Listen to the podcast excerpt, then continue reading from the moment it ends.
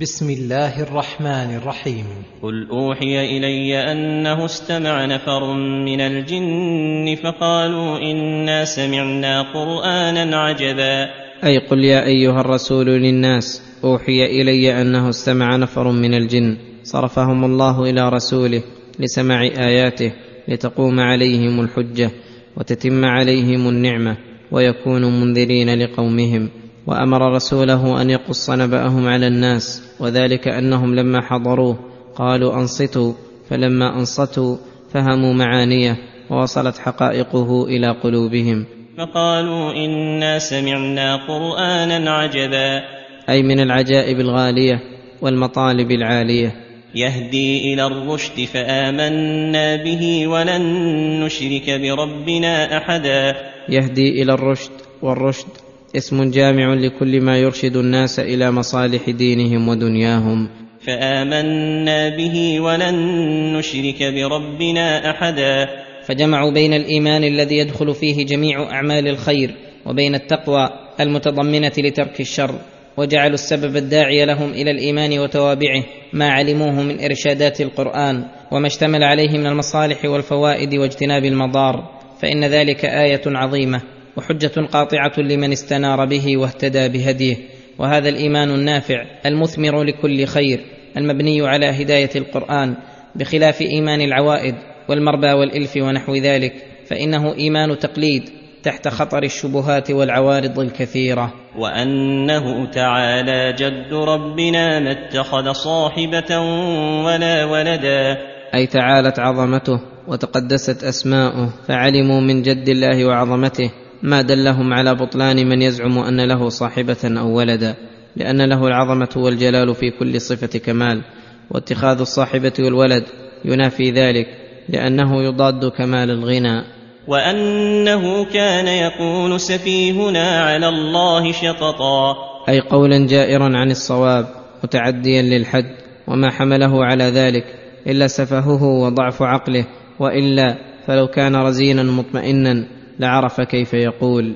وأنا ظننا أن لن تقول الإنس والجن على الله كذبا. أي كنا مغترين قبل ذلك غرتنا السادة والرؤساء من الجن والإنس فاحسنا بهم الظن وحسبناهم لا يتجرؤون على الكذب على الله فلذلك كنا قبل ذلك على طريقهم. فاليوم إذ بان لنا الحق سلكنا طريقه وانقدنا له. ولم نبال بقول أحد من الخلق يعارض الهدى. وأنه كان رجال من الإنس يعوذون برجال من الجن فزادوهم رهقا. أي كان الإنس يعوذون بالجن عند المخاوف والأفزاع ويعبدونهم فزاد الإنس الجن رهقا أي طغيانا وتكبرا لما رأوا الإنس يعبدونهم ويستعيذون بهم. ويحتمل أن الضمير وهو الواو يرجع إلى الجن أي زاد الجن الإنس ذعرا وتخويفا لما رأوهم يستعيذون بهم ليلجئوهم إلى الاستعاذة بهم. فكان الإنسي إذا نزل بواد مخوف قال أعوذ بسيد هذا الوادي من سفهاء قومه. وأنهم ظنوا كما ظننتم أن لن يبعث الله احدا. أي فلما أنكروا البعث أقدموا على الشرك والطغيان. وانا لمسنا السماء فوجدناها ملئت حرسا شديدا وشهبا. وانا لمسنا السماء أي أتيناها واختبرناها فوجدناها ملئت حرسا شديدا عن الوصول إلى أرجائها والدنو منها وشهبا يرمى بها من استرق السمع وهذا مخالف لعادتنا الأولى فإنا كنا نتمكن من الوصول إلى خبر السماء.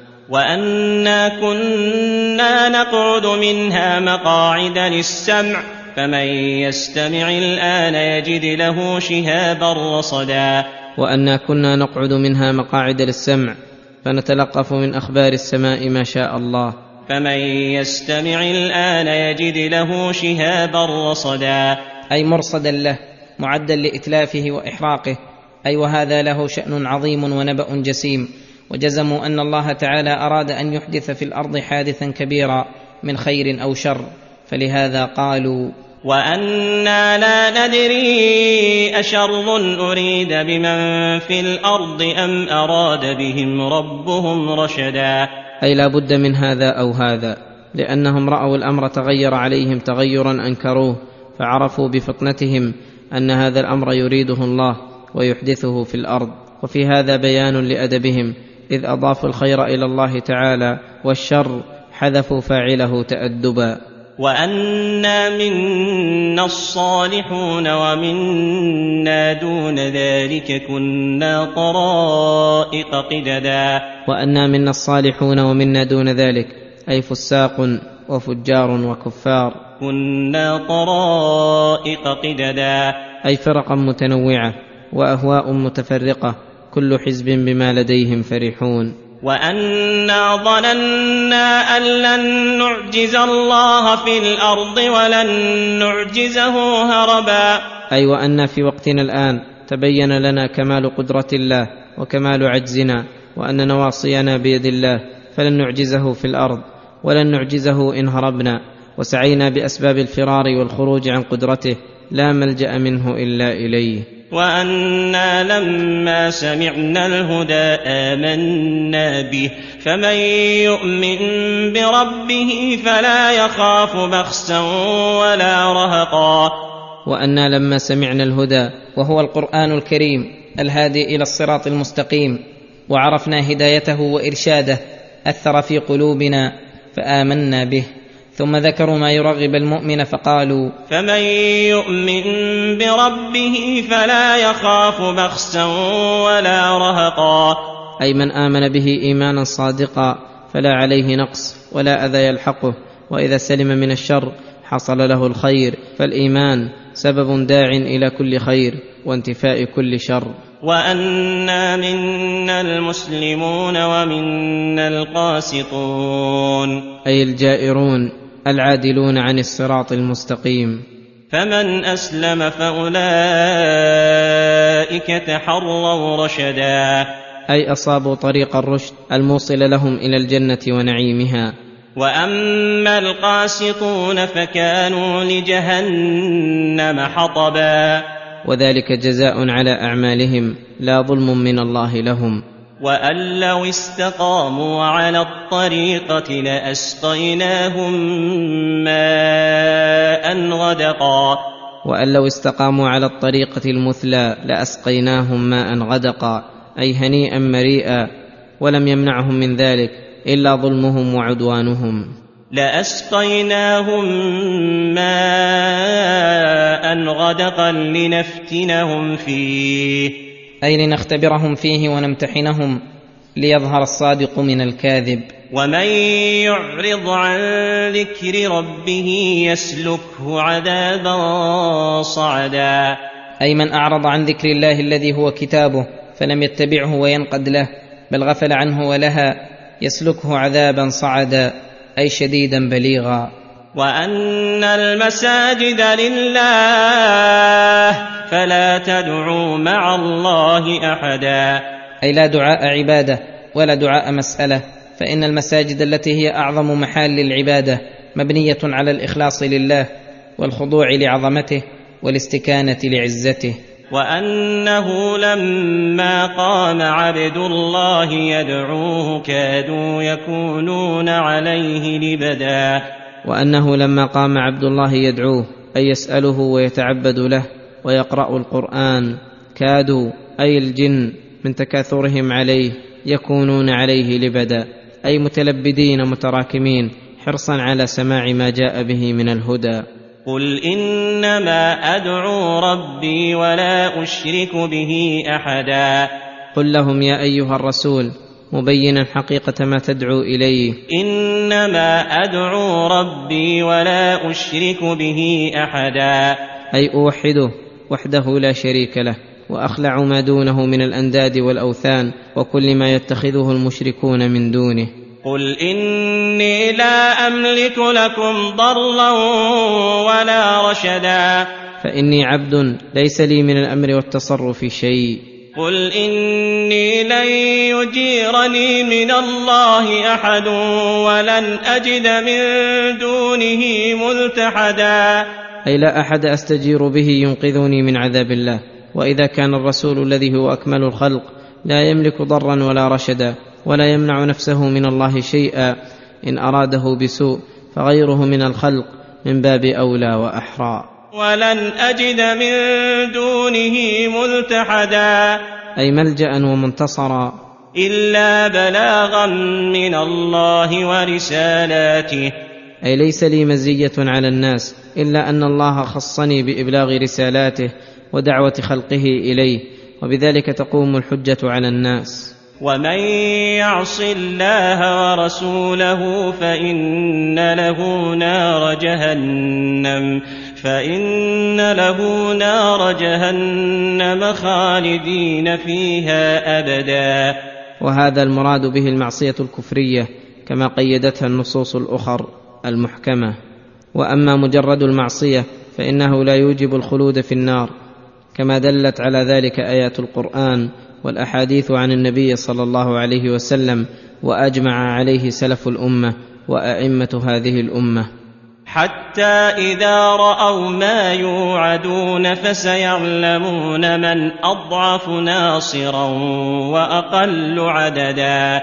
حتى إذا رأوا ما يوعدون أي شاهدوه عيانا وجزموا أنه واقع بهم فسيعلمون في ذلك الوقت حقيقة المعرفة من أضعف ناصرا وأقل عددا حين لا ينصرهم غيرهم ولا أنفسهم ينتصرون وإذ يحشرون فرادى كما خلقوا أول مرة. قل إن أدري أقريب ما توعدون أم يجعل له ربي أمدا. قل لهم إن سألوك فقالوا متى هذا الوعد؟ إن أدري أقريب ما توعدون أم يجعل له ربي أمدا. أي غاية طويلة. فعلم ذلك عند الله. عالم الغيب فلا يظهر على غيبه أحدا. فلا يظهر على غيبه أحدا من الخلق بل انفرد بعلم الضمائر والأسرار والغيوب. إلا من ارتضى من رسول فإنه يسلك من بين يديه ومن خلفه رصدا. إلا من ارتضى من رسول أي فإنه يخبره بما اقتضت حكمته أن يخبره به وذلك لأن الرسل ليسوا كغيرهم فإن الله أيدهم بتأييد ما أيده أحد من الخلق وحفظ ما أوحاه إليهم حتى يبلغوه على حقيقته من غير أن تقربه الشياطين فيزيدوا فيه أو ينقصوا ولهذا قال فإنه يسلك من بين يديه ومن خلفه رصدا. أي يحفظونه بأمر الله. ليعلم أن قد أبلغوا رسالات ربهم وأحاط بما لديهم وأحصى كل شيء عددا. ليعلم بذلك أن قد أبلغوا رسالات ربهم بما جعله لهم من الأسباب وأحاط بما لديهم أي بما عندهم وما أسروه وما أعلنوه. وأحصى كل شيء عددا. وفي هذه السورة فوائد كثيرة منها وجود الجن وأنهم مكلفون مأمورون مكلفون منهيون مجازون بأعمالهم كما هو صريح في هذه السورة. ومنها أن رسول الله صلى الله عليه وسلم رسول إلى الجن كما هو رسول إلى الإنس. فإن الله صرف نفر الجن ليستمعوا ما يوحى إليه ويبلغوا قومهم. ومنها ذكاء الجن ومعرفتهم بالحق وأن الذي ساقهم إلى الإيمان هو ما تحققوه من هداية القرآن وحسن أدبهم في خطابهم. ومنها اعتناء الله برسوله وحفظه لما جاء به فحين ابتدأت بشائر نبوته والسماء محروسة بالنجوم والشياطين قد هربت عن أماكنها وأزعجت عن مراصدها وأن الله رحم به الأرض وأهلها رحمة ما يقدر لها قدر وأراد بهم ربهم رشدا فأراد أن يظهر من دينه وشرعه ومعرفته في الأرض ما تبتهج له القلوب وتفرح به أولو الألباب وتظهر به شعائر الإسلام وينقمع به أهل الأوثان والأصنام. ومنها شدة حرص الجن لاستماع الرسول صلى الله عليه وسلم وتراكمهم عليه. ومنها أن هذه السورة قد اشتملت على الأمر بالتوحيد والنهي عن الشرك وبينت حالة الخلق وأن كل أحد منهم لا يستحق من العبادة مثقال ذرة. لأن الرسول محمدا صلى الله عليه وسلم إذا كان لا يملك لأحد نفعا ولا ضرا بل ولا يملك لنفسه علم أن الخلق كلهم كذلك فمن الخطأ والغلط اتخاذ من هذا وصفه الها آخر مع الله. ومنها أن علوم الغيب قد انفرد الله بعلمها فلا يعلمها أحد من الخلق إلا من ارتضاه الله وخصه بعلم شيء منها.